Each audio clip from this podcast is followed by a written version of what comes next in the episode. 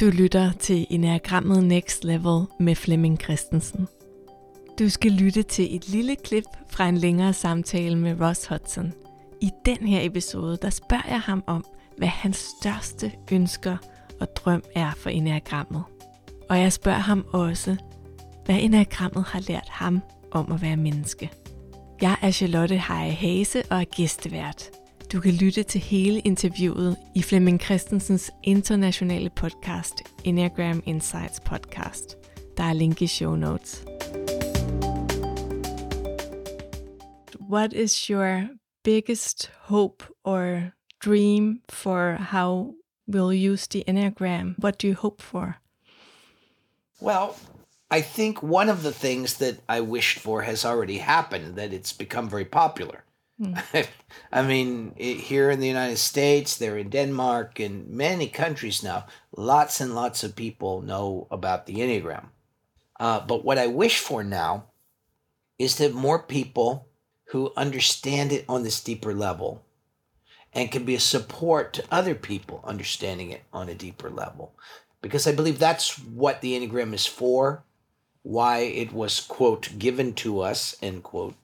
I think that having a, a community around the world of people who understand the deeper uses of the Enneagram and are supporting each other and our clients and students to have more beautiful, awake, compassionate lives.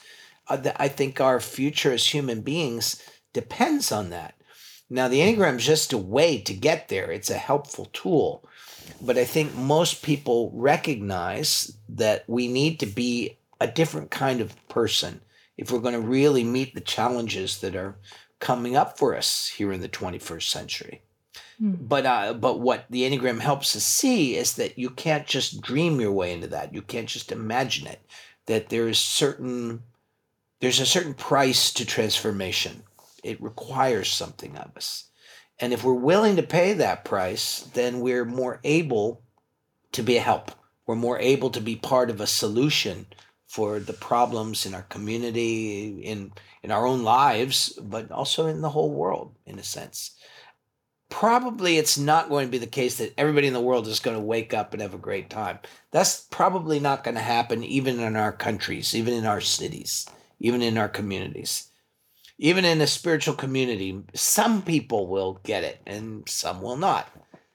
But if enough do, I think it starts to change the balance and makes other things possible.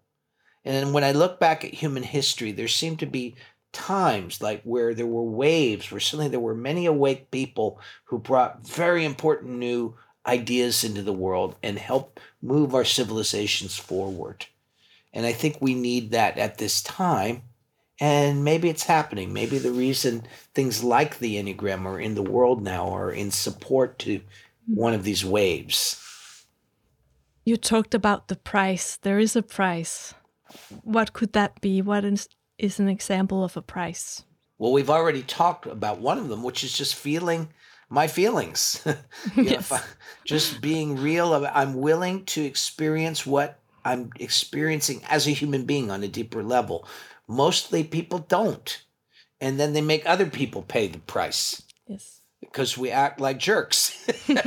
we're selfish. We're greedy. We're you know, all the the passions appear on the outside as bad habits and annoying behaviors, but deeper down, they're just all rooted in suffering.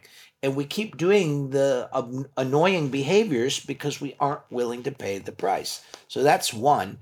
The other price is that is letting go of ourself, all of our ideas about ourselves both positive and negative. Sometimes we think things about ourselves that are worse than the truth. We're not really that bad. And sometimes we have narcissistically inflated ideas about ourselves, and that's not it either. I mean, a lot of people get identified with their Enneagram type, and that's a way of, of not paying the price rather than use it as a way to look deeper. And many, many people are mistyped as, which and identified with an idea of themselves that's not actually how they are. So, you know, seeing ourselves more honestly and accurately, feeling what we're feeling, And the last, the third thing, Enneagram usually has things in threes. We start to realize that our life is about more than ourself.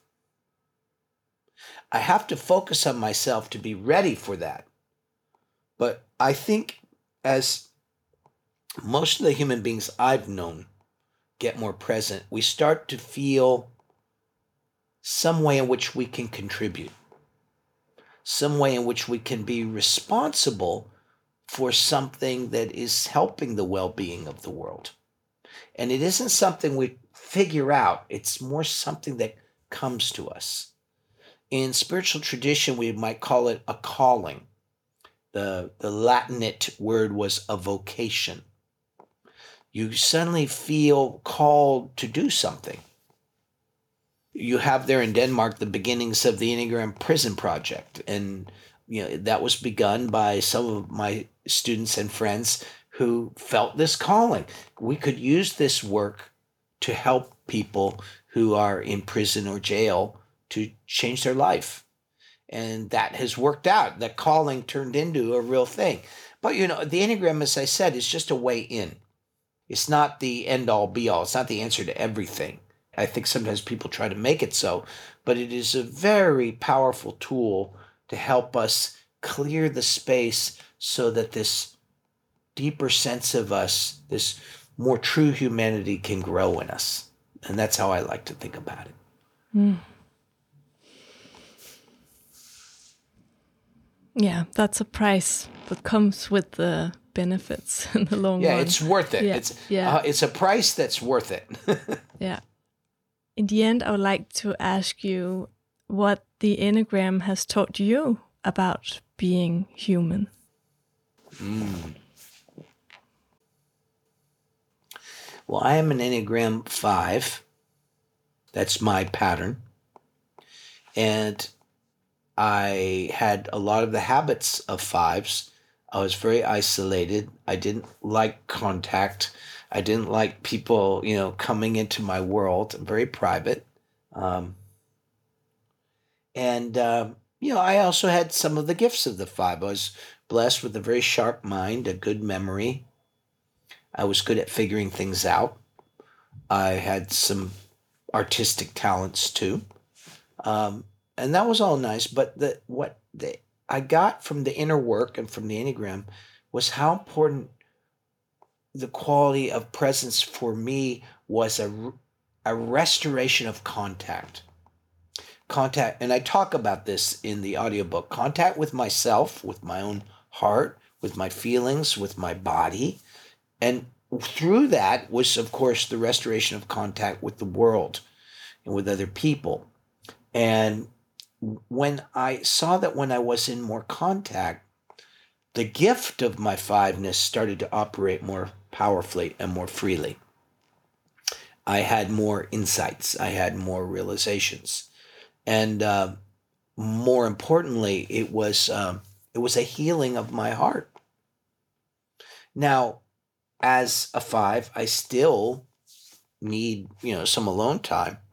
I still need uh, some privacy. I still uh, like those things, and I still love to learn and read and find out about things. But I think the main difference is I'm far more gentle. I'm more gentle with myself. I'm more courageous in terms of you know showing up and speaking up and being involved with people and situations and i'm i'm more I'm it's not okay for me anymore to hide out on the sidelines with my knowledge while the world is having all kind of problems. I feel a much stronger pull to use whatever I do know to help whoever can benefit from it, even as I understand that not everyone in the world needs to know about what I have to offer, but some people do.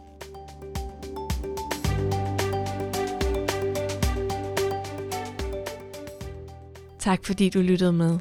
Det her klip er en del af en længere samtale, jeg havde med Ross Hudson. Jeg linker i show notes til den fulde samtale. Og der vil du også kunne læse mere om Ross Hudson og finde links til andre interviews, Flemming har haft med ham tidligere.